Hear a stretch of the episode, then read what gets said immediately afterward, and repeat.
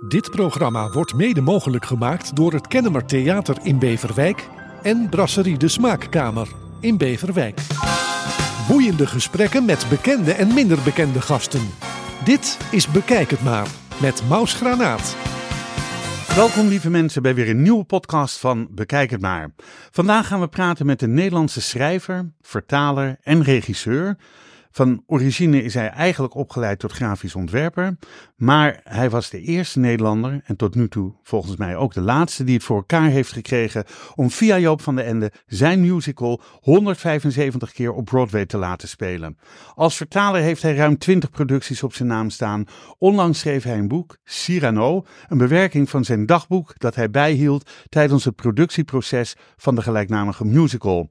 Met gepaste trots stel ik u voor aan de auteur van dit boek, Koen van Dijk. Welkom. Dankjewel. Nou, ik vind het ontzettend leuk dat je er bent. En ik, toen ik je boek gelezen had, vond ik het ook bijna dat ik denk: oh, hij komt bij mij uh, op bezoek. Na in al die chique hotels. En, uh, nee, Maus, ik stel het zeer op prijs dat jij er aandacht aan wil besteden. Dus ik kom hier graag. Ja, want de, de reden waarom ik er aandacht aan wil besteden, is dat ik het ook heel bijzonder vind dat uh, na Anne Frank jij, geloof ik, de tweede bent die een dagboek uitbrengt. nou, er zijn er wel meer Misschien geweest, zijn er hoor.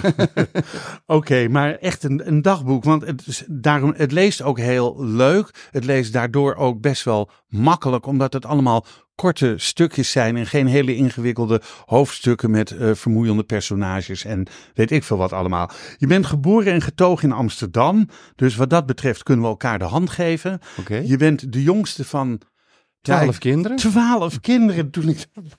Amsterdam Noord. Ja. ja. Oh, vlakbij het Zonnehuis. Dus, uh, Klopt. Ja. ja, dat uh, zag ik mijn allereerste theatervoorstelling. Zag ik in het Zonnehuis. Ja. Daar uh, trad een clown op. Uh, ik was een jaar of zes of zeven. En later kwam die clown nog een keer terug. Dat was dan een goochelaar. En ik had al zes of zevenjarig echt wel door dat dat dezelfde man was. Eerst geschminkt en daarna niet geschminkt. Uh, en het duurde uh, nog uh, iets van 20, 25 jaar voordat ik erachter kwam dat dat Joop van den Ende was. Oh, die clown was Joop van den Ende? Die clown en die goochelaar, oh, dat was Joop van ja, den Ende. Ja, zo is hij begonnen. Want hij had een... Een, een, een, een, een. Een, een, een, een feestwinkel. Ja. feestwinkel daar in Amsterdam-Noord. Dus in het Zonnehuis trad hij op. En Joop van den Ende was dus mijn eerste theaterervaring. Wauw, en Grappig, later hè? zo met hem samengewerkt. Ja. Oh, ik heb hem daar nog aan helpen herinneren, maar dat, hij hoeft er niet aan herinnerd te worden, aan die periode. Vond hij zichzelf zo slecht of vond hij uh, datgene wat hij nu doet uh, meer interessant? Ja, laten we dat in het midden laten. Ja, laten we, dat is aan hem. Oké, okay. maar wat voor gezin was het gezin van Dijk met twaalf kinderen? Want huisjes daar die ik in de omgeving van het Zonnehuis zie en ken, zijn niet zo groot voor 12 of 14 mensen dan met twee ouders erbij. Nee, en als je, als je daar meer over wil weten. Nee, het is. Uh, uh, mijn vader was de melkboer op het Ananasplein. En er hoorde een woning bij de winkel. En dat was een hele kleine woning. Dus uh, op het moment dat er echt 12 kinderen waren, paste dat totaal niet. En hadden wij een tweede, een tweede kleine woning aan de overkant van de straat. Okay. Dus het gezin was verdeeld over. Daar woonden de oudste jongens, uh, woonden uh, apart in een kleine woning. En dan kon het gebeuren dat mijn moeder tegen mij zei: van we gaan eten. Koen, trek jij je kaplaarsjes aan en waarschuw de jongens. Dus dat, uh, Zo ging, dus dat gedeeld ging over een bel uh, van, dat je van boven naar beneden moest komen. Nee. Maar dan moesten de jongste kaplaarsjes aantrekken en de oudste jongens roepen van de overkant. Ja, we gaan eten. We gaan eten, jongens. En dan zaten jullie in een kleine huiskamer aan een hele grote tafel waar veertien mensen aan konden zitten. Hoeveel zit er tussen de oudste en de jongste? Precies 20 jaar. Dus jouw oudste broer of zus is 85? Klopt. Uh, 83? Uh, klopt, die leeft helaas niet meer, mijn oudste broer Jan. Maar uh, ja, die was 20 toen ik geboren werd. Wow, ja. En um, zijn zij allemaal...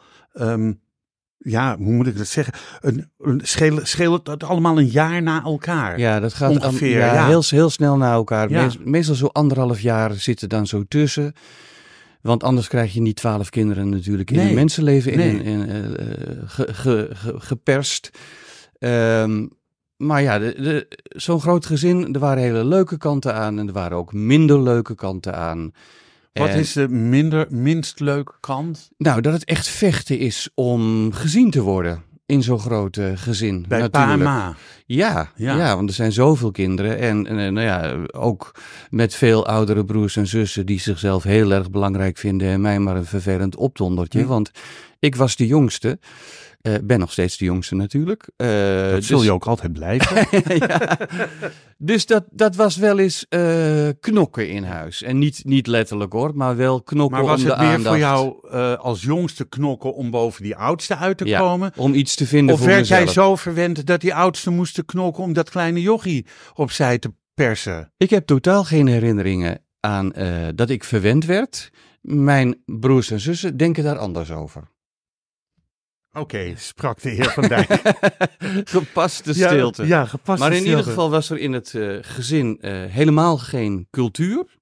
Oh, want dat is eigenlijk mijn volgende vraag. Wer- werden jullie gevoed door, door cultuur? Want omdat je als zevenjarig jochie naar een clown ging kijken en een goochelaar ging kijken in het zonnehuis, vind Ja, ik al dat- heel wat. Maar dat was met school.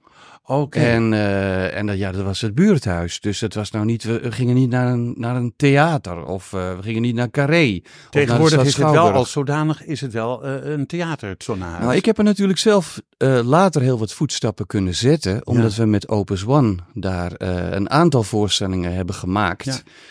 En het was heel... Maarten Vogel nog steeds aan het hoofd van... Klopt. Ja, Maarten Vogel is Opus One, zouden we kunnen het- zeggen. Ja, kun je stellen, ja. Eh, maar hij nodigde me op een gegeven moment uit van ik zou graag een voorstelling willen maken in het Zonnehuis. Ken je dat?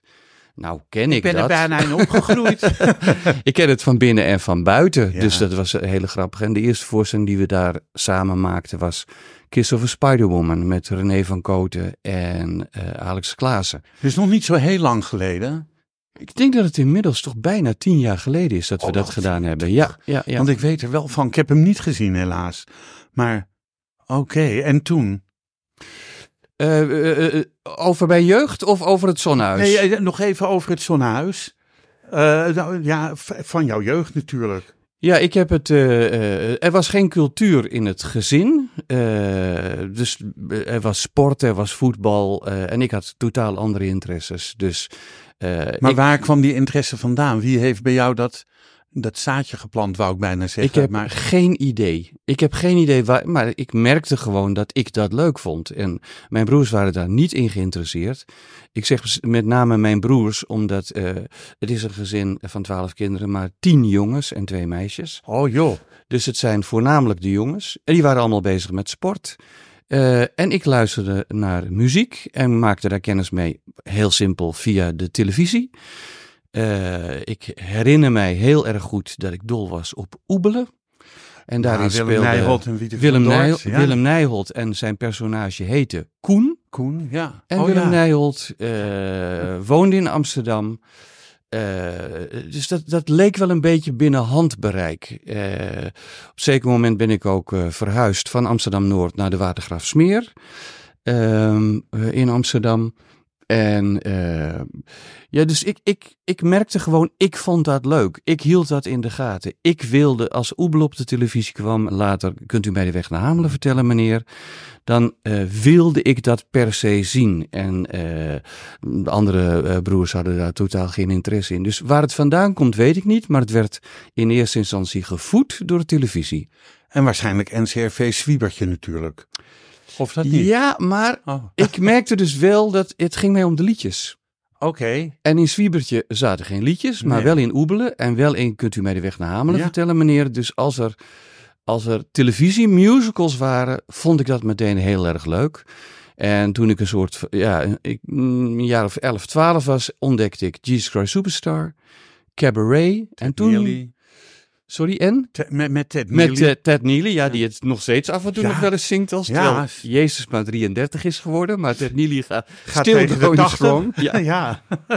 Eh, nee, maar eh, dus toen ging de interesse wel echt, echt meteen richting musical. En ik vrat alles wat ik maar kon vinden. Maar ik, pas toen ik zelf ging, wat ging verdienen met een zaterdagbaantje, ging ik naar theater. Mijn ouders hebben me nooit mee- meegenomen naar het theater. Ik maar denk- wat vonden zij eh, ervan dat jij wel die kant op ging? Vonden ze je maar een rare kwast? Of dachten ze, goh, wat leuk dat we ook een, ook een zoon hebben van de tien die die Mm. kant op gaat? Nee, nee. Ik denk eh, eerder het tegenovergestelde. Eh, toen ik op de middelbare school zat, ik heb het Ignatius College gedaan. en ik liet vallen dat ik misschien wel naar de Kleinkunstacademie wilde. eh, werd me dat toch echt stevig ontraden. Dat moest ik echt niet doen. Ga eerst maar een vak leren. En toen werd het Dit uiteindelijk... hoor ik zo vaak van artiesten, dat ouders dat eigenlijk niet willen. Van, Ja. En inderdaad, met die woorden, ga eerst maar een vak leren. Ja, ja. de tijd is nu anders hoor, Ja. moet ik zeggen. Als je nu jonge mensen spreekt, hè, dus ik werk veel met eh, studenten bij Fontis, bij Codarts, Frank Sanders Academie. Eh, die staan als kind al ergens op het toneel en de ouders vinden dat geweldig en die steunen dat en Ja, brengen het dat niet kind ook door overal al die naartoe. talentenjachten die er tegenwoordig zijn, wat dat stimuleert Ja. bij, zowel bij ouders als bij kinderen? Ja, dus dat, dat gebeurt nu veel meer. En eh, eh, jongeren van nu hoeven niet hier tegenop te vechten. Die, eh, ja, de, de, de ouders brengen ze naar de auditie. Hm. Dus dat is gewoon een hele andere tijd. Maar ik moest dus eh, eh, uitleggen. Misschien naar de Kleinkunstacademie wilde ik. Dat werd het niet. Dat vond ze een heel slecht idee. En ik ben naar de Kunstacademie gegaan. En ja, Dat lijkt, lijkt er ook een beetje op. grafisch ontwerper geworden. Ja, maar het ging mij gewoon ook om ehm, eh, meer dan dat. Het ging mij om het ontwerpen, om bezig te zijn met kunst, met beeldende kunst. En ehm, de Rietveld Academie he- had hoog in het vaandel staan. Wij zijn er voor de eh, ontwikkeling van jouw creativiteit. En ik heb Wat de- mooi is dat. ja, ik heb de, de, de lessen die ik heb geleerd op de Rietveld Academie, weliswaar als grafisch ontwerper, altijd kunnen toepassen, ook in mijn werk als eh, regisseur, als theaterregisseur. Dus dat heeft natuurlijk is, heeft ook heel erg met vormgeving te maken. Ook al Ja. Eh, eh, ja, soms eh, de- bepaalde ideeën richting decor of bepaalde ideeën richting ansenering helpt het dat ik naar de kunstacademie ben gegaan. Ehm, kan ik zeggen dat jouw eerste professionele baantje het schrijven was van liedjes voor Karin Bloemen, haar eerste soloshow? Als het, als het om theater gaat, Ja? ja? dat klopt. Dat is de eerste keer dat ik geld heb gekregen voor het schrijven van teksten. Hm. En nou, is dat niet grappig? Eh, Karin Bloemen heeft onlangs haar eh, jubileum gevierd in, In eh, Carré. in Carré Ja. en nodigt een aantal tekstschrijvers uit die al die tijd voor haar al schrijven. En nou, het is inderdaad waar dat ik, nou ja, in elke voorstelling van Karin Bloemen heeft wel een lied van mij gezeten. Oh, wat grappig. En dus Ja. ook, ik, ik was er heel trots op dat zij het lied wat ik voor haar heb bewerkt van Joni Mitchell, eh, Both Sides, Both Sides Now. Now, ja. Eh, zij vroeg me of ik dat wilde bewerken en een Nederlandse versie van maken. Dat ze dat had gekozen als finale van haar Wow. jubileumshow. Dus ik voelde me zeer vereerd. Ja, nou dat kan ik me voorstellen. En dan word je genoemd ook. Ja. Ja, want dat vind ik nog wel eens ehm, een tekortkoming aan vele programma's, uitzendingen, dat eh, eh, muzici of, of degene die de muziek heeft geschreven, degene die de tekst heeft geschreven, eh, onbenoemd blijven, maar dat alleen de uitvoerende artiest benoemd wordt. Ja, ik ben het heel erg met je eens. Ja. Nou ja, kijk, kijk bijvoorbeeld We naar... gaan eh, luisteren naar een liedje van Wim Sonneveld. Nee, dat is geschreven door... Friso Wiegersma Ja, Friese- waarschijnlijk. Nou ja, goed. Ik noem maar eventjes wat. Ja, Friso Wiegersma en muziek is van, eh, nou ja, toen Harry Banning misschien, weet ik veel, of Ruud Bos. Ja. Ehm, en dat, dat wordt nog vaak vergeten. Nou ja, kijk naar de Musical Awards. Eh, eh, op televisie worden de prijzen uitgedeeld voor eh, de mensen die op het toneel staan. Dus beste acteur, beste actrice. Maar de schrijvers, de mensen die de musicals maken, de, componist, tekstschrijver, krijgen hun prijs uitgereikt buiten de uitzending. Ook Ja. de regisseur buiten de En uitzending. dat vind ik, dat, ook dat vind ik een tekortkoming van zo'n enorme show. Laat de mensen ook kennis maken met jullie, met jullie namen. Laat jonge artiesten denken, oh, is dat Koen van Dijk? Of is dat die of die? Eh, nou, ik ga vragen of ze voor mij ook een keer een tekst willen maken. Of, Nou ja. ik bedoel, waarom, waarom niet? Nou ja, je, ik bedoel, het je- altijd heel veel, met alle respect, en ik, ik, ik vind het een geweldige vrouw, heel veel Simone Kleinsma. En het is altijd heel veel Pia Douwers. En het is, ik bedoel, wel heel veel Chantal Jansen altijd. eh, Ja. Nou, het zou een publiek helpen om een keuze te maken. Hè, want ik, ik Een ruimere keuze te maken. Nou ja, Om, nee, om een keuze te maken waar ze naartoe willen. Want eh, als je gewoon weet wie de schrijver is van het stuk waar je naartoe gaat, dan eh, krijg je al een indicatie over, nou, zou het enige kwaliteit hebben? Is dit een beginner? Is dit iemand Ja. met ruime ervaring? Maar door eh, dat alsmaar niet te vermelden, ik heb daar één schokkend voorbeeld van. Eh, ik ben de schrijver en de regisseur van een voorstelling die heet Amandla Mandela, over het leven van Nelson. Mandela. Met en Kenneth dat- Herdigijn en eh, Joanne Tellisford. Klopt, dat Ja. heeft drie maanden in De La Mar Ja. gestaan. Maar in het hele theater was mijn naam niet te vinden. Dus het publiek werd niet geïnformeerd wie de schrijver en regisseur was van die Dat vind ik dus heel voorstelling. Het is ongelooflijk. Ja, En dat ligt niet aan de producent. Want eh, de producent, eh, als er een affiche in de stad hing, dan werd daar keurig mijn naam op eh, vermeld. Maar het is dan echt een marketingafdeling die zegt: het interesseert het publiek niet. dat, is, dat zegt de marketing. Maar Dat zegt de wie zegt, waar- waarom zegt de marketing? Is dat onderzocht? Is dat wetenschappelijk bewezen? Nee, toch? Nee, we, Nou. we, we zijn het eens. Oké, precies. Dit is afgehamerd. Oké. Ehm, en het was 1989, eh, volgens mij, eh, dat het idee bij jou kwam om van de eh, toneelvoorstelling Cyrano de Bergerac een musical te maken met als titel Cyrano de Musical. Je schreef hiervoor het script, je schreef hiervoor de liedteksten. Ehm Ad van Dijk eh, moet ik hierbij ook noemen, want die heeft de muziek gemaakt. Ehm, en om, om nog maar even goed te benoemen zijn Ad van Dijk en Koen van Dijk geen familie van elkaar. Daarbij kwam Bill van Dijk, wat van jullie drieën ook geen familie is. Ik weet alleen dat Ad van Dijk of een neef of een broer was van Martin van Dijk, die helaas veel te vroeg is overleden. Klopt. Pianist, begeleider, heel veel voor het RKF gedaan, het Amsterdam Kleinkunstfestival. Heel veel Hans Dorrestein begeleid, nou en nog veel meer. Nee, van Martin van Dijk en Klaas van Dijk. Ook pianist. Ook pianist, ja, ja. Oké, ja, nou ja, dus die, en, en, en natuurlijk de zoon eh, van Henk van Dijk. En Henk van Dijk was eh, al pianist van Wim Sonneveld en Seth Gaikema. Dus Ad Ja. kwam wel, uit een- komt wel echt uit een, uit een theaterfamilie. Ja, ja. Goed, maar, maar jouw Van Dijken kant had niks met die andere twee. Van Dijken kanten te maken. Nou, dat is duidelijk. Eh, voor de categorie eh, Best Book en Best Original Score ontving jij twee Tony eh, Award nominaties. Klopt. Nominaties. Denk ik, is een nominatie net zo belangrijk als er één krijgen? Nou, voor mij wel, omdat eh, vanaf het moment dat die nominaties bekend werden, ik werd gebeld vanuit New York midden in de nacht eh, om dat nieuws eh, door te geven. En mensen waren echt door het dolle heen dat, je, dat, je, dat jij twee nominaties hebt gekregen. Maar er werd ook meteen bij verteld van de kans dat je daadwerkelijk die prijs gaat winnen is bijzonder klein, om twee redenen.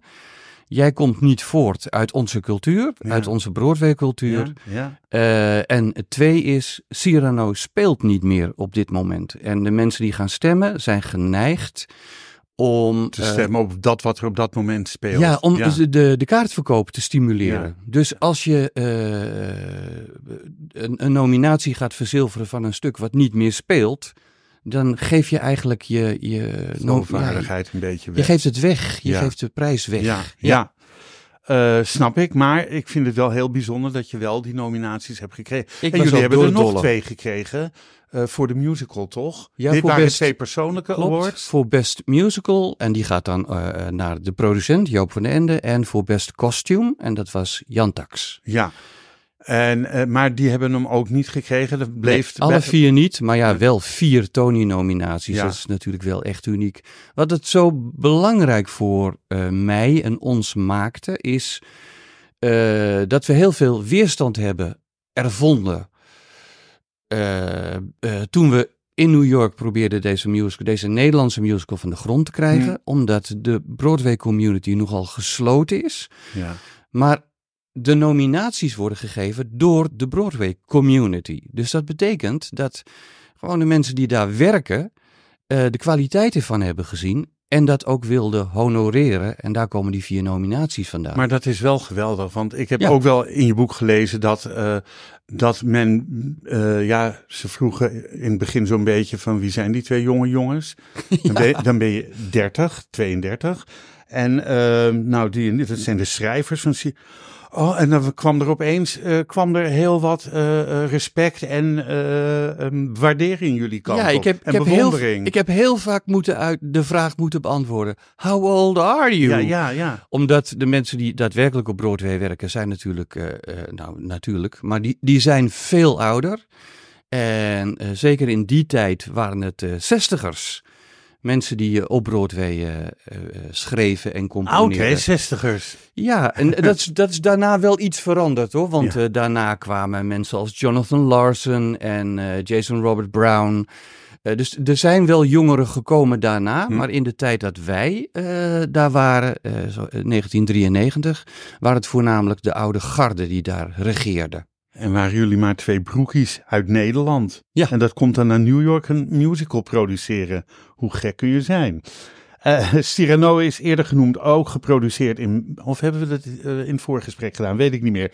Het is geproduceerd in België, de Verenigde Staten, Japan en Duitsland. Ben jij ook in al die landen betrokken geweest bij het, eh, bij het hele proces? Soms wel, soms niet. Dat hoeft natuurlijk helemaal niet. Want als mensen het script en de muziek willen gaan uitvoeren, dan kan dat. Dus de, in Duitsland zijn er wel eens versies geweest.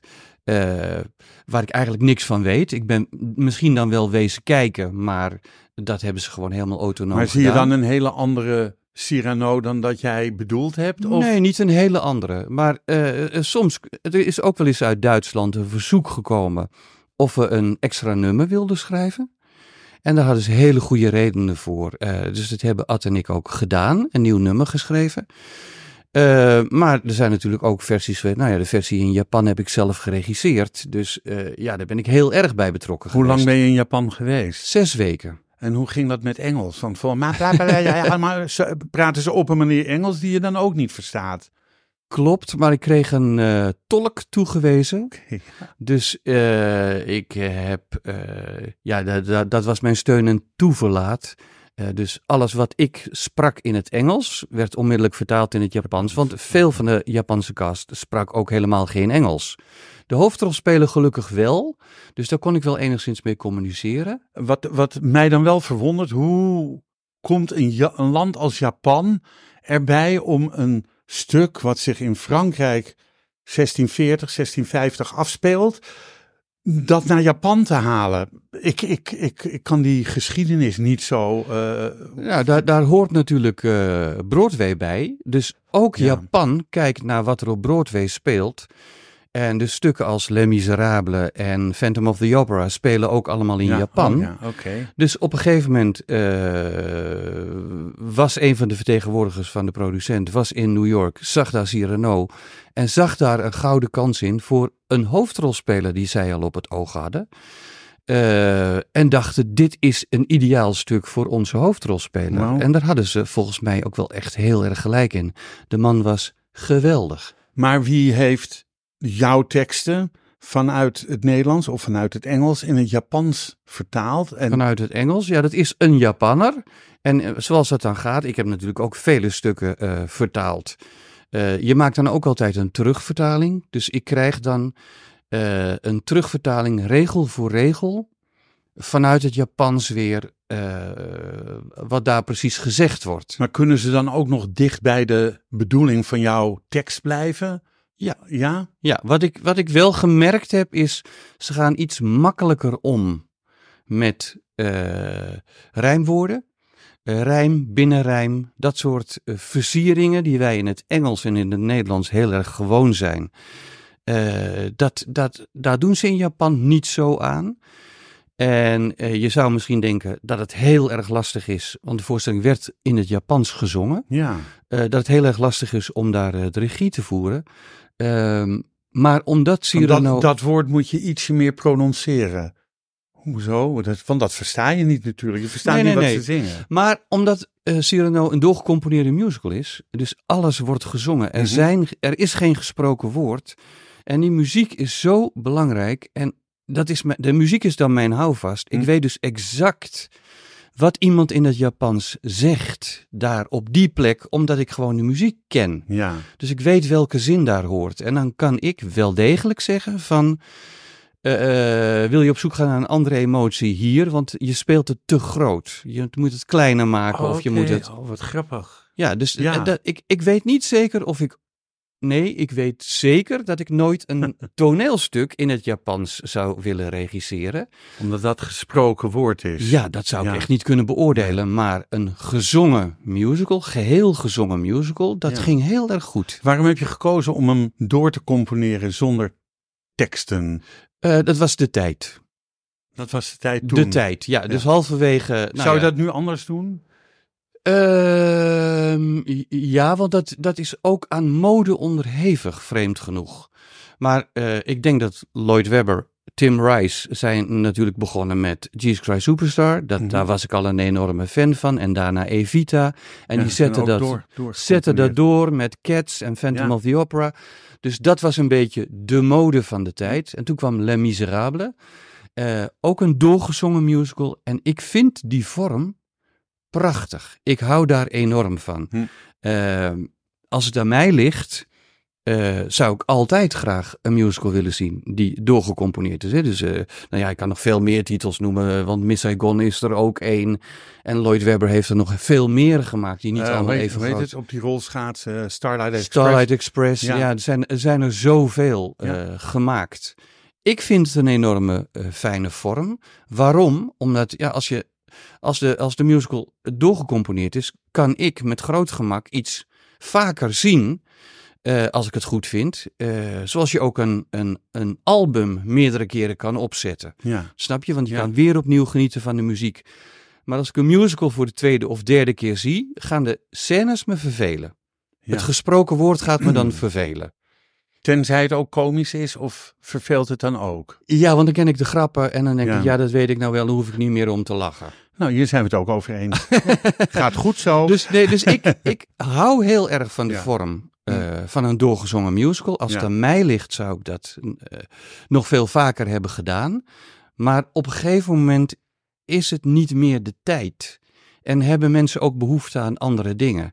En ik weet dat de eerste keer dat ik een niet doorgecomponeerde musical schreef, dat was eh, Rex. Dat was de derde samenwerking tussen Ad van Dijk en mij. Eh, was het echt uitvinden. Ik ga nu dialogen schrijven voor het eerst van mijn leven. Hoe zit dat? Hoe ga ik dat doen?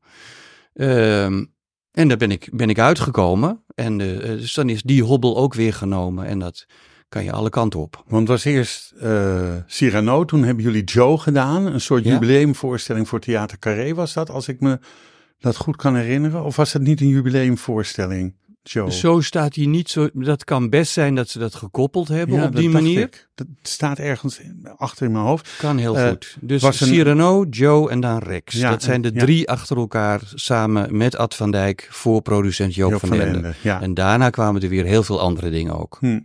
Eh, heeft Joop jullie toen laten vallen? Of hebben jullie daarna nooit meer wat voor Joop gedaan? Of, eh, Nou, Rex was wel een soort van stijlbreuk.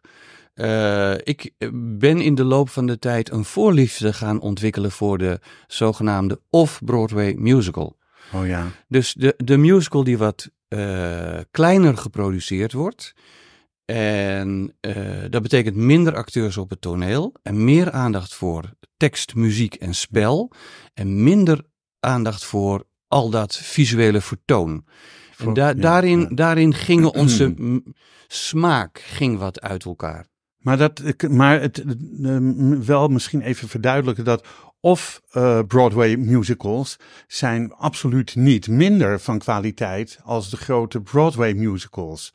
Nee, zeker niet. die- Maar je moet, je moet wel van tevoren weten waar je naartoe gaat. Ik bedoel, je kan ervoor kiezen om s'avonds uh, te gaan eten bij een, in een sterrenrestaurant. Ja, Of je kan kiezen om te gaan eten bij McDonald's. Ja, En een andere vergelijking is, je kan ervoor kiezen om naar uh, een blockbuster te gaan in Pathé.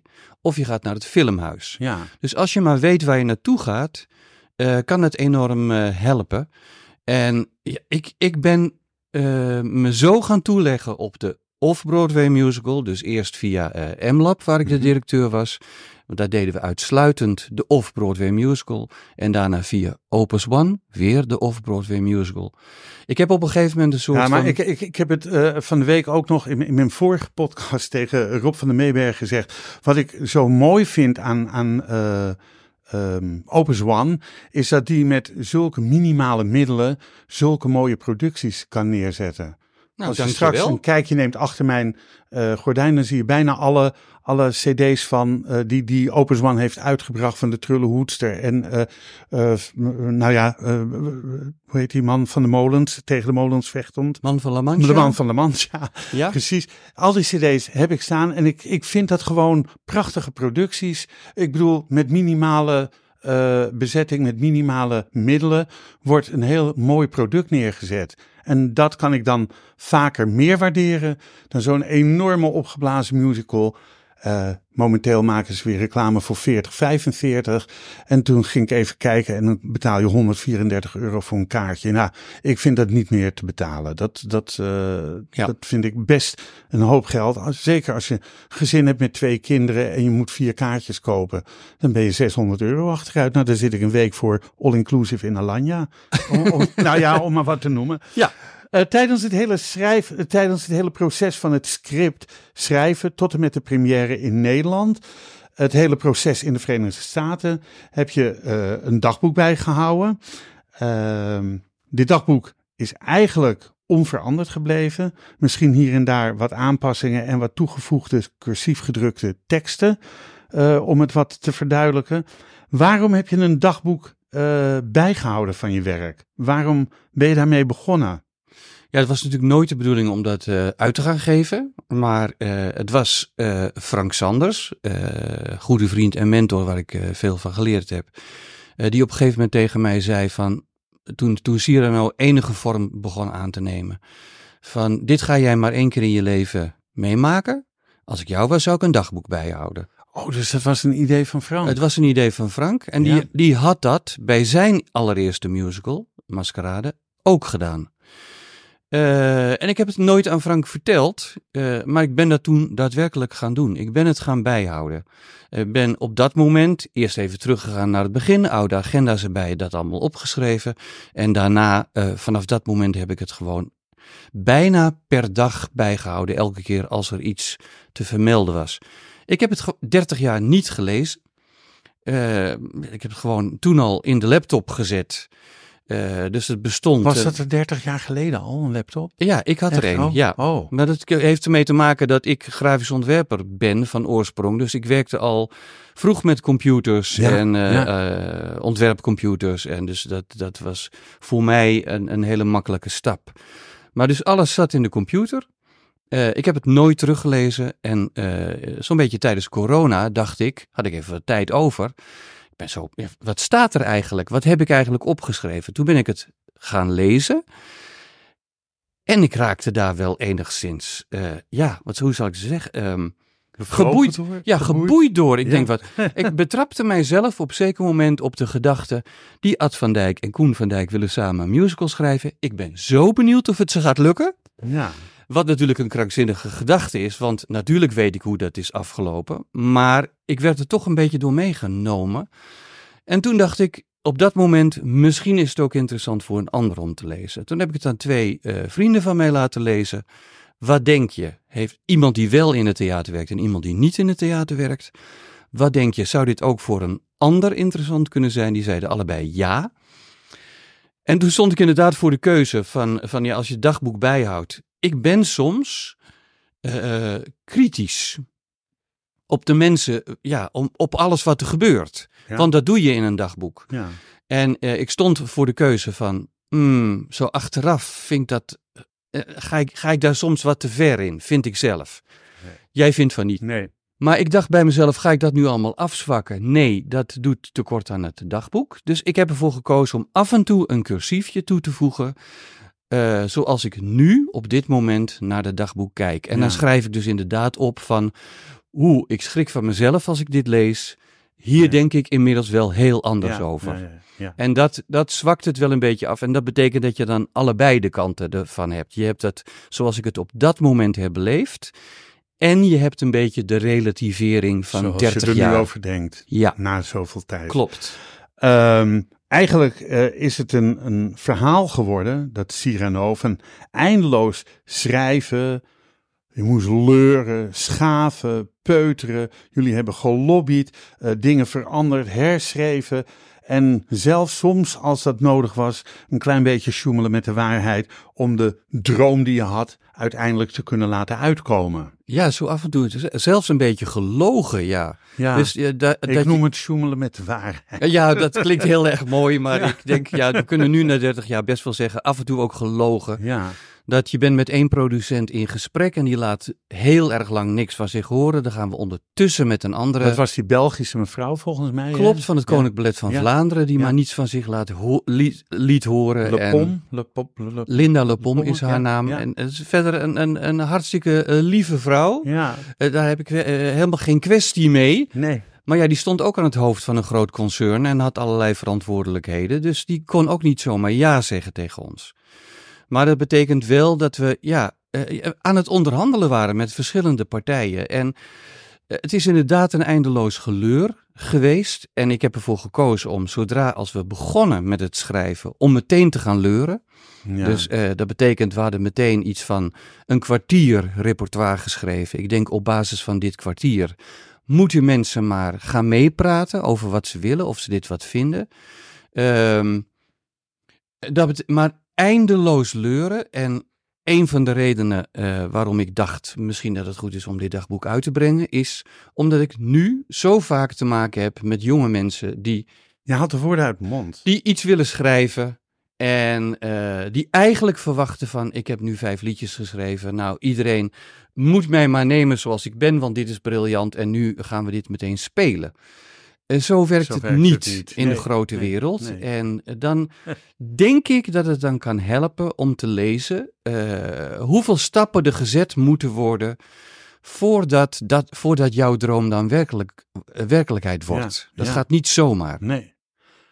Poeh, ja, dat, het is waar. Ik heb het boek gelezen. Ik, ben, ik moet nog 80 bladzijden. Vind je het niet erg, hè? Je weet hoe het afloopt. Ik, ik, ik, ik weet, ja, ik weet. Je weet wie het Dat gedaan wist, heeft. wist ik al toen, toen ik aan begon. Maar ehm, eh, eh, ik, toen ik het nu zo nu aan het lezen ben en ik er echt helemaal in zit, vind het ook heel leuk nu dat ik je nu in het echt tref. Dat ik denk, oh, hij is het die daarin staat. Eh, ik vind het een, een must read. Zoals je gadget hebt, gadgets hebt waarvan je zegt, it's a must have. Ja. Of a must see for a movie. It is, it- dit is een must read. Want Nou, wat, wat leuk Ze- dat je dat zegt, Maus. dank nee, je wel. ik meen het uit de grond van mijn hart. Want alle mensen die maar iets, een beetje van theater houden.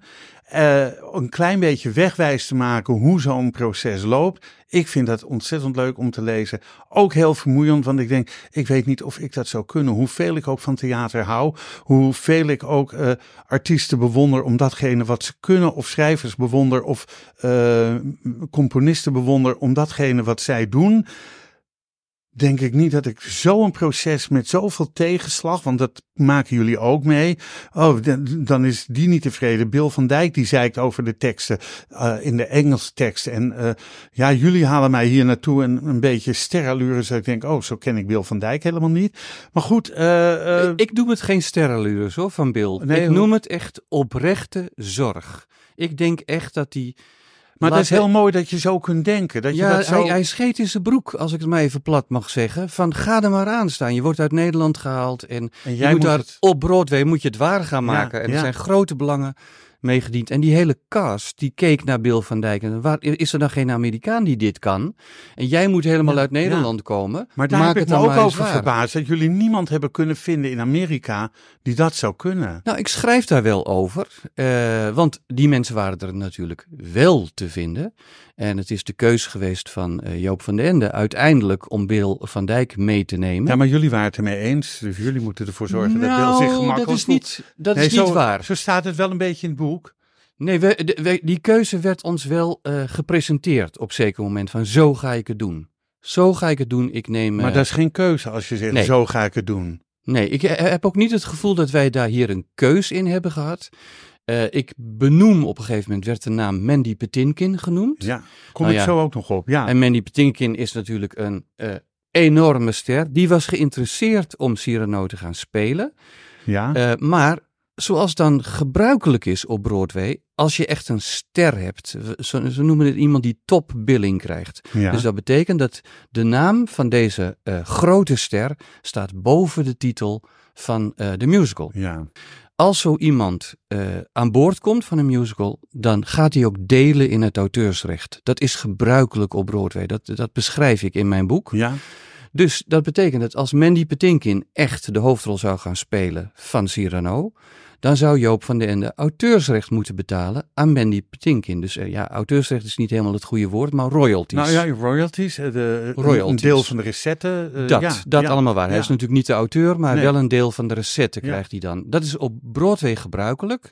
En Joop wilde dat niet. Dus hij, wil, hij koos ervoor om niet zo'n grote ster aan boord te halen, die hij nog extra moest betalen via de royalties.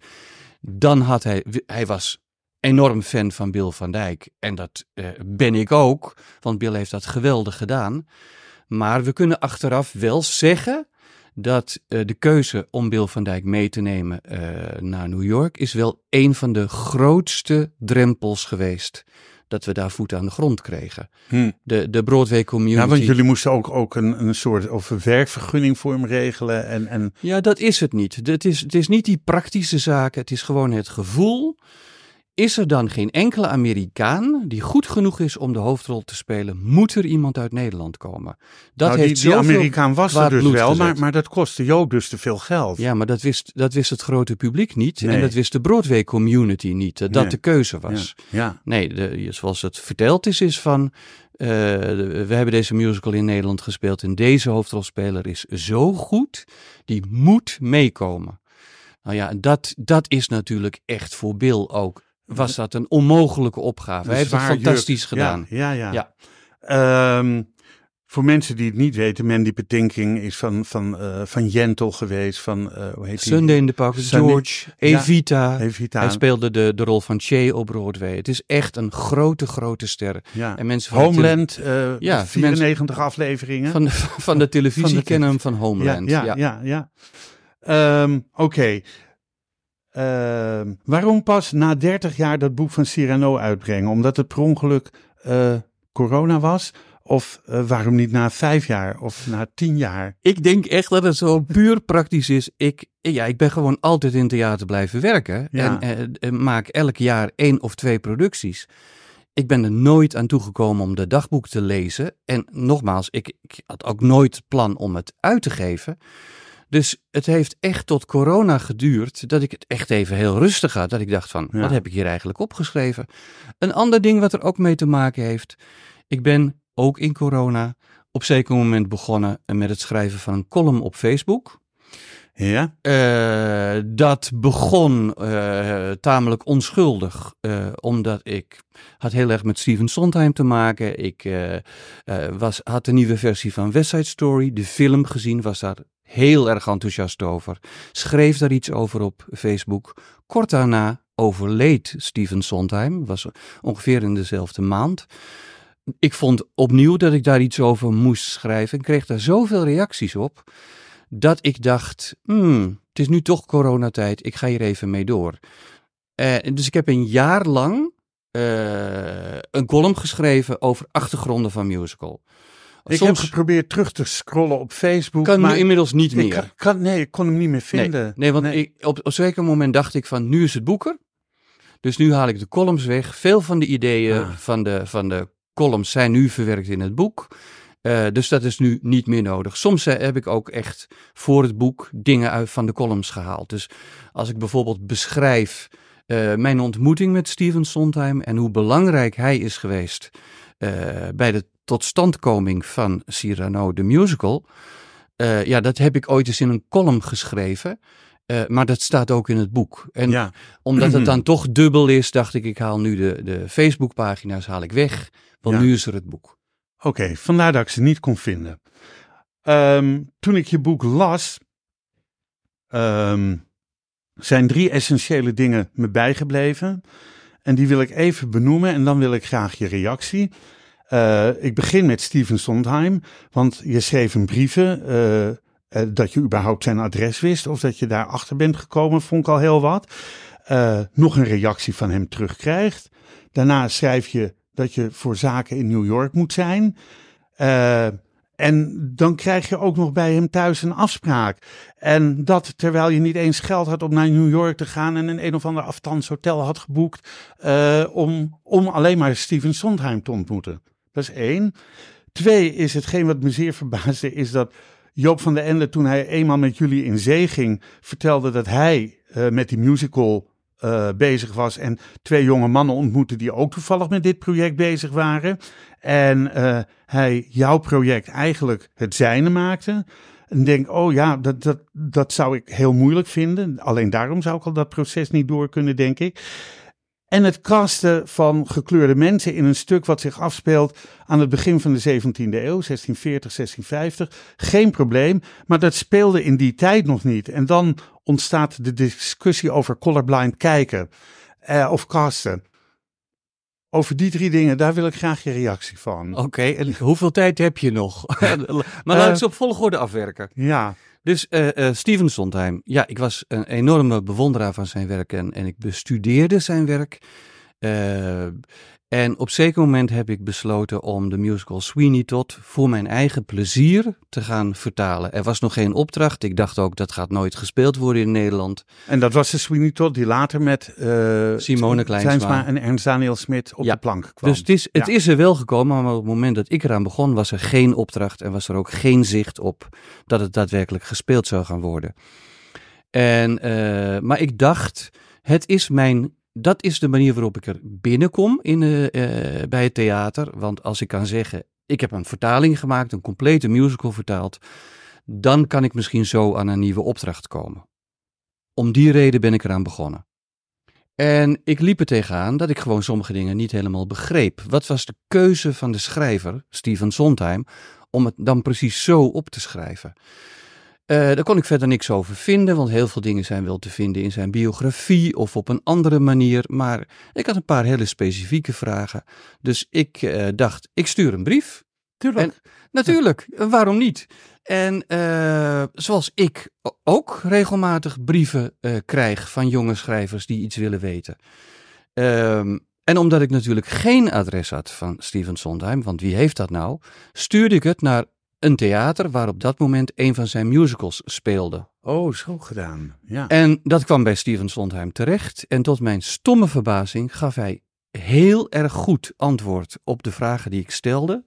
Uh, hij deed het op persoonlijk briefpapier en toen had ik zijn adres.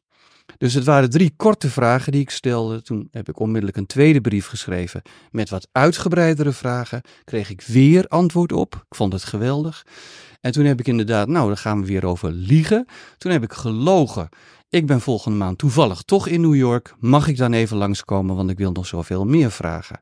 En tot mijn stomme verbazing zei hij: Ja hoor, bel maar als je er bent. Ik ben die week in, in New York. Uh, dus zo, zo is het gegaan. En uh, dat klinkt nu totaal krankzinnig. Maar ja, weet je, jij stuurt mij een briefje, ja. uh, Maus, en, en ik zit nu bij jou. Ja, dat, ja zo, zo, zo, gaat zo het. gaan dingen. Ge gewoon vragen en, ja. en, en, ja. en meestal uh, gaat het ook wel goed. Steven Sondheim is zelf enorm geholpen door zijn mentor, Oscar Hammerstein.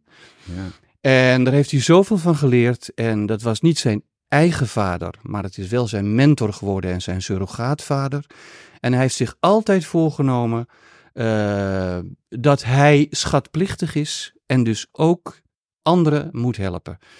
Oh, en als je, als je de biografie leest van Jonathan Larson, dan is hij enorm geholpen door Steven Sondheim. Dat zit ook in uh, Tick Tick Boom. Uh, als je Jason Robert Brown leest, is hij geholpen door Steven Sondheim. Dus hij heeft zoveel mensen geholpen. En ook voor mij heeft hij een enorme belangrijke rol gespeeld. Dat gesprek alleen al, dat niet bij langer hem thuis. bij hem thuis, wat niet langer dan, dat niet langer dan een, een, een uur geduurd heeft. Eh, maar dat is cruciaal geweest in, het, in uh, de hele ontwikkeling, in, in mijn ontwikkeling als schrijver en, uh, en de ontwikkeling van Cyrano. Ja, ik, ik, vind, ik vind het een fantastisch verhaal.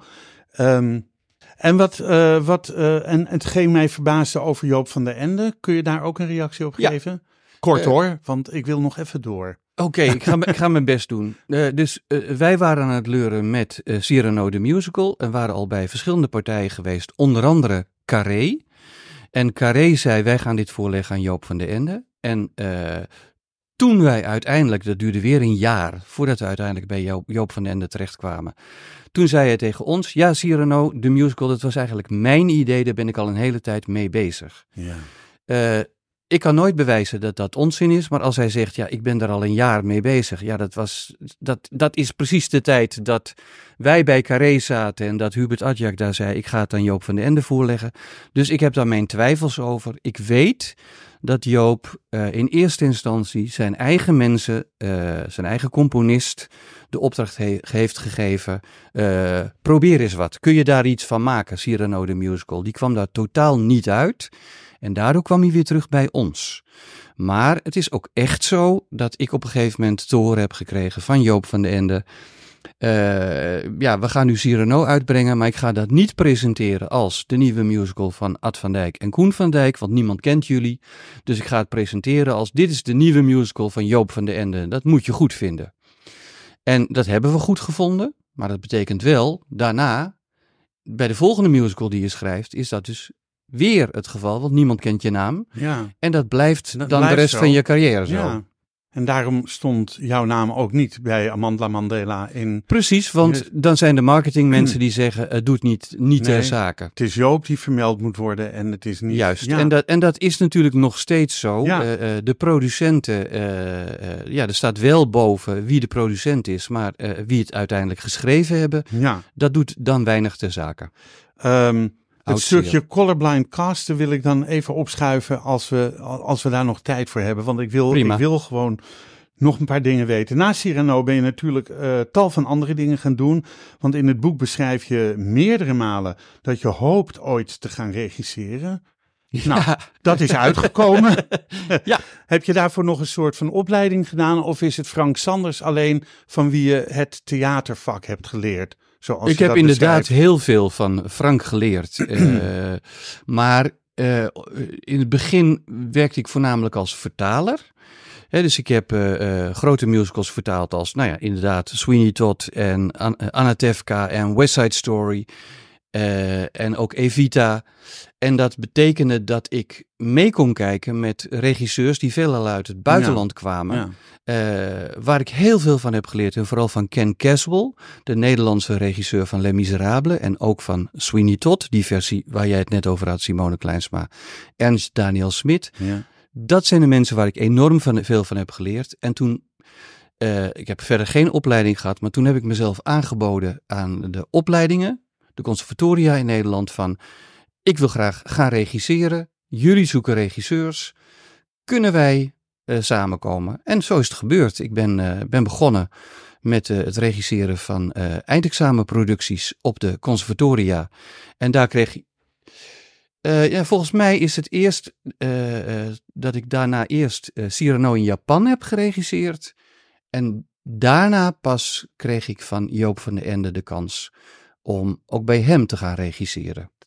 Ja, zo, dat is een de volgorde dus. geweest. Een lange, ja. lange weg moet je gaan. Uh, Cyrano heeft ook nog een tijdje in het M-Lab uh, gespeeld. Dat heb je straks benoemd. Met uh, Tony Award neef. Nee, to, Leuke to, woordspeling. Ik had een woord tussen haakjes gezet. Ja. Um, als Cyrano was dat vergelijkbaar met Bill. Want jullie hadden natuurlijk een totaal andere bezetting. En een totaal kleiner, een strijkkwartet zei je. Wat zat er alleen? Ja, en dus dat bij... was heel spannend om het in M-Lab te doen. Helemaal teruggebracht tot de essentie. Ja. Dus in plaats van een orkest van 18 zoals het uh, op Broadway was, uh, werd het nu begeleid door een strijkkwartet. Dus echt maar vier mensen. Het was heel intiem. Uh, nauwelijks decor. En Tony heeft dat prachtig gedaan. Hm. En ja, voor hem ook weer een compleet nieuwe uitdaging om, om zo'n zo rol te spelen. Ja. Ehm, ik heb er hele goede reacties op gehad. En ik, ik dacht zelf ook wel van, nou, misschien is dit wel een, een nieuw leven voor Cyrano op deze manier. Ja. Maar Joop heeft dat nooit meer aangedurfd. Oké. Terwijl eh, Annie inmiddels voor de zevende keer, geloof ik, eh, op de proppen komt of zo. Ja. Ja, eh, oké. Waarom Cyrano En Mamma nog Mia keer? voor de vierde keer. En, eh, vierhonderdste keer. Ja, Ja, zo, ja. Gaat dat, zo gaan die dingen door. Ehm, in eh, je boek viel me ook een aantal keren op wanneer jullie een avondje na het bijkletsen in New York, eh, Bill en zijn vrouw naar huis gingen, Ad met zijn vrouw en ik met niemand. Is daar, is daar, inmiddels, verander, is daar inmiddels verandering in gekomen? Zeker. Dank, ik- dank je voor je zorg voor mijn eh dat was psychisch echt een zorg. welverbinden. Ja, ja, dat was Ja. echt zorg Ja, maar ja, mij. zo was het natuurlijk wel. En ik heb het ook echt serieus zo opgeschreven in die tijd. Nee, ik ben inmiddels eh 21 jaar Oh. eh, met, eh, met E- Erik Goosens. Eh, eh, we hebben elkaar ontmoet in het vak. Hij is decorontwerper. En sinds die, eh, ja, dus 21 jaar geleden hebben wij samen een productie gedaan. Hij als decorontwerper, ik als regisseur. Want een producent zei van, nou, ik ken jullie allebei, ik ken eh, jullie werk. Volgens mij zal dat wel klikken. Hij wist niet half hoezeer hij dat heeft. gelijk in had. Eh, maar dat betekent wel dat al die voorstellingen die ik sinds die tijd heb gedaan, eh, ja, of er was geen decor, Ja, eh, of er was een decor van Erik Goosens. oké. En Erik en jij werken nu ook af en toe gewoon lekker samen aan een Ja. productie nog steeds? Nou ja, dus eh, alle producties van Opus One. Ja. Eh, eh, dus ik heb er zeven gedaan, te beginnen bij eh, Kiss of a Spider-Woman, maar ook The Color Purple en Bridges of Madison County en het meest recent nog Color Purple hebben jullie gedaan. Ik heb hem gezien. NDSM. Eh, in- ja, daar. Klopt. Het was een prachtige voorstelling, vond ik. Ook in een hele leuke ambiance. In een, ja, in een soort loods of zo was dat. Ja, met allemaal houten kratten. Ja, ja, we zaten op houten kistjes. Nou, niet echt op houten nee, kistjes. nee, maar, maar, decor, de decor waren, waren kratten. houten kratten. maar dat vond ik ook weer zo mooi dat er met die kratten gedaan kon worden. En ja, dat is aan jou, Erik. eh, eh, lof aan jou, Erik, die dat aan. Ja, het is een soort samenwerking. Eh, hij zorgt voor het beeld. En ik als re- regisseur moet zo in- inventief zijn. dat ik het met zo weinig kan doen. Ja. Maar, maar ook de meest recente Opus voorstellingen, Falsetto's en Spring Awakening. Allemaal met een decor van Erik Goosens. Leuk, leuk om te horen. Ja. Voor dit interview kenden wij elkaar niet. We hebben elkaar nooit gezien, gesproken of ontmoet. Alleen even per mail om je uit te nodigen. Dus ik dacht, ik ga iemand bellen en ik eh, ga eens vragen: wat kun je mij vertellen over Koen van Dijk? Daar is het volgende uitgekomen. En dan wil ik straks van jou weten wie dat gezegd heeft. Oké. Ehm, Koen is een uiterst gedreven schrijver, regisseur en vertaler. Als je mij vraagt wat hij het moeilijkste vertalen vond, zou ik zeggen het nummer Somewhere uit de West Side Story, omdat er vanuit het Engels, vanuit die Engelse tekst, nauwelijks Nederlandse vertaling mogelijk is. Maar hij weet dat textueel zo goed te vertalen en zo dicht bij het nummer te houden, eh, te blijven. En dat is iets wat ik ontzettend knap vind. Dat is één ding wat diegene gezegd heeft. Toen zei diegene ook nog: Koen weet als geen ander teksten van Steven Sondheim op de juiste wijze gestalte te geven. Ook de vertaling van One Hand, One Heart is van grote klasse. Nou, weet je nu wie dat gezegd zou Nou ja, kunnen hebben? dan, dan denk ik dat het iemand is die te maken heeft met West Side Story. Die misschien daar wel in de originele cast zat. En dan denk ik aan Maaike Widdershoven. Dus correct geantwoord. en wat lief dat eh Maaike Ja. dat allemaal zo zegt. Ja, en En, en ze heeft volkomen gelijk. ja, Het is echt waar. En dat somewhere, eh, eh, dat is zo af en toe pak ik het nog wel eens terug. En het is natuurlijk gewoon, het is uitgevoerd. Het staat op, eh, op een album. Nederlandse versie ik van heb West hem hier liggen, ik heb hem gedraaid, ik, ik heb Maar Cyrano soms, gedraaid. soms pak ik het Ja. nog wel eens terug en denk ik van, kan het nog beter? Kan ik nog dichter bij het origineel blijven? Als er ooit een nieuwe versie komt van West Side Story, zal ik het waarschijnlijk toch weer twee of drie woorden veranderen. Maar ja, dat doet Steven Sondheim ook. Elke keer, hè, of dat deed hij, want hij is inmiddels overleden, zoals Ja, je weet. ja. Maar elke keer als er een nieuwe productie kwam, was hij ook geneigd om het weer te proberen te verbeteren. Hij is in het negentig geworden, toch? Hè? 91. 91, Ja, ja, ongelooflijk. Wat een leeftijd. Geweldig. Wij moeten het nog maar zien te halen. en Maaike zei tot slot, want nou mag ik gewoon zeggen wie het Ja. was. Ook het nummer I Feel Pretty was qua rijmschema zo goed en zo fijn om te zingen. Nou, wat heerlijk dat ze dat zo zegt. Nou ja, over I Feel Pretty is natuurlijk nog, een, nog meer te zeggen. Want Steven Sondheim zelf was zo totaal ontevreden met het lied. Hij wilde het schrappen. Hij wilde het eruit hebben. Terwijl dat een van de leukste uptempo nummers in, het, eh, in de musical is. Ja, Ja. Nee, de muziek is van eh, Leonard Bernstein is Ja. natuurlijk al geweldig. Maar eh, de try-outs wa- waren al aan de gang. En toen was er een collega van Steven Sondheim. En ik denk dat het Sheldon Harnick was. Die tegen Steven Sondheim zei: Dat meisje is nog maar net in Amerika eh, eh, aangekomen vanuit Puerto Rico. Ja. En jij laat haar zingen: It's alarming how charming I feel. Nou, zo'n meisje kan helemaal niet zoveel binnenrijmen aan. En dat, dat, dat is niet vanuit het karakter geschreven. En Sondheim dacht: Je hebt gelijk, ik wil het veranderen. Maar eh, de andere medewerkers wilden dat niet meer veranderen. Ze wilden het laten. Ze vonden het perfect lied. Maar ik zat dus met deze wetenschap wel met, met de zorg van wat ga ik dan nu Ja. doen als ik het in het Nederlands Ja. ga vertalen. En ik heb een soort van middenweg gevonden. Ik heb niet al het binnenrijm overeind gehouden, wat ik normaal gespro- gesproken wel doe, omdat ik weet dat Steven Sondheim er eigenlijk spijt van had. Maar je bent wel heel dicht bij die tekst gebleven. Blijkbaar, want Maaike Widdershoven was tevreden. Ja, Daar doen ja, we het voor. En ze heeft het prachtig gezongen. Ja, Ehm na Cyrano kwamen Joe, Rex, De Vliegende Hollander heb je nog getaald. Eh, vertalingen voor eh, onder andere v- veelal producties van Stephen Sondheim, zoals West Side Story, Sweeney Todd, Into the Woods, eh, Company, Sunday in the Park with George en A Little Night Music.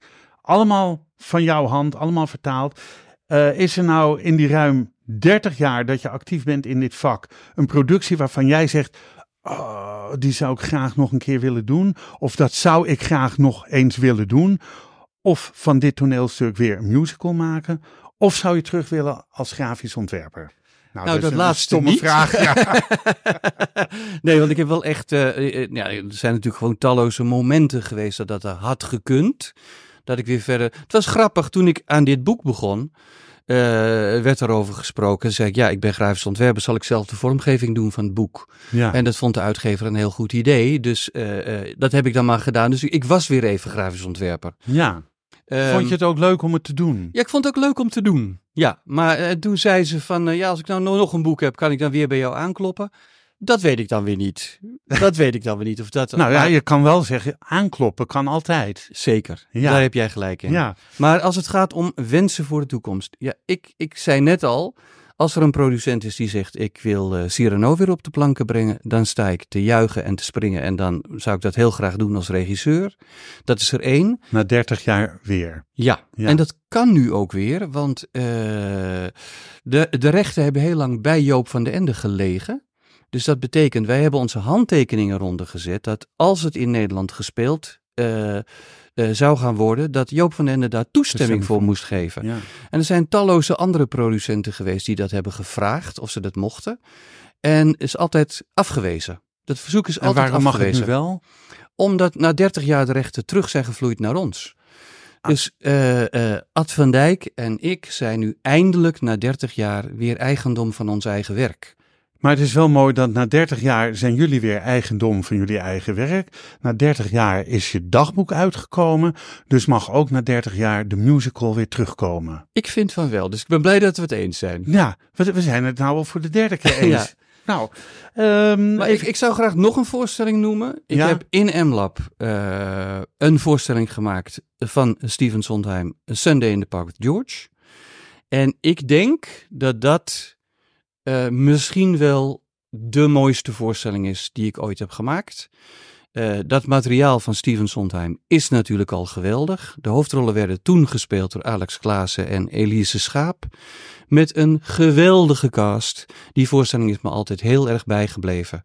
En ergens hoop ik dat ik daar nog een keer mijn tanden in mag maar dan zetten, ook met ooit. die twee. Want eh, als die het ook enorm is bijgebleven, dan denk ik dat je zowel Elise als Alex samen nog wel een keer zo gek kan krijgen dat ze dat willen doen. Dat zou fantastisch zijn. Als je, nu, als je ze nu belt en je zegt voor 2027 gaan we dat doen. Nou, dan heb je drie jaar de tijd om dat te. Oké, Nou, we gaan goed. het doen. Oké, top. Dat is bij deze ook afgesproken.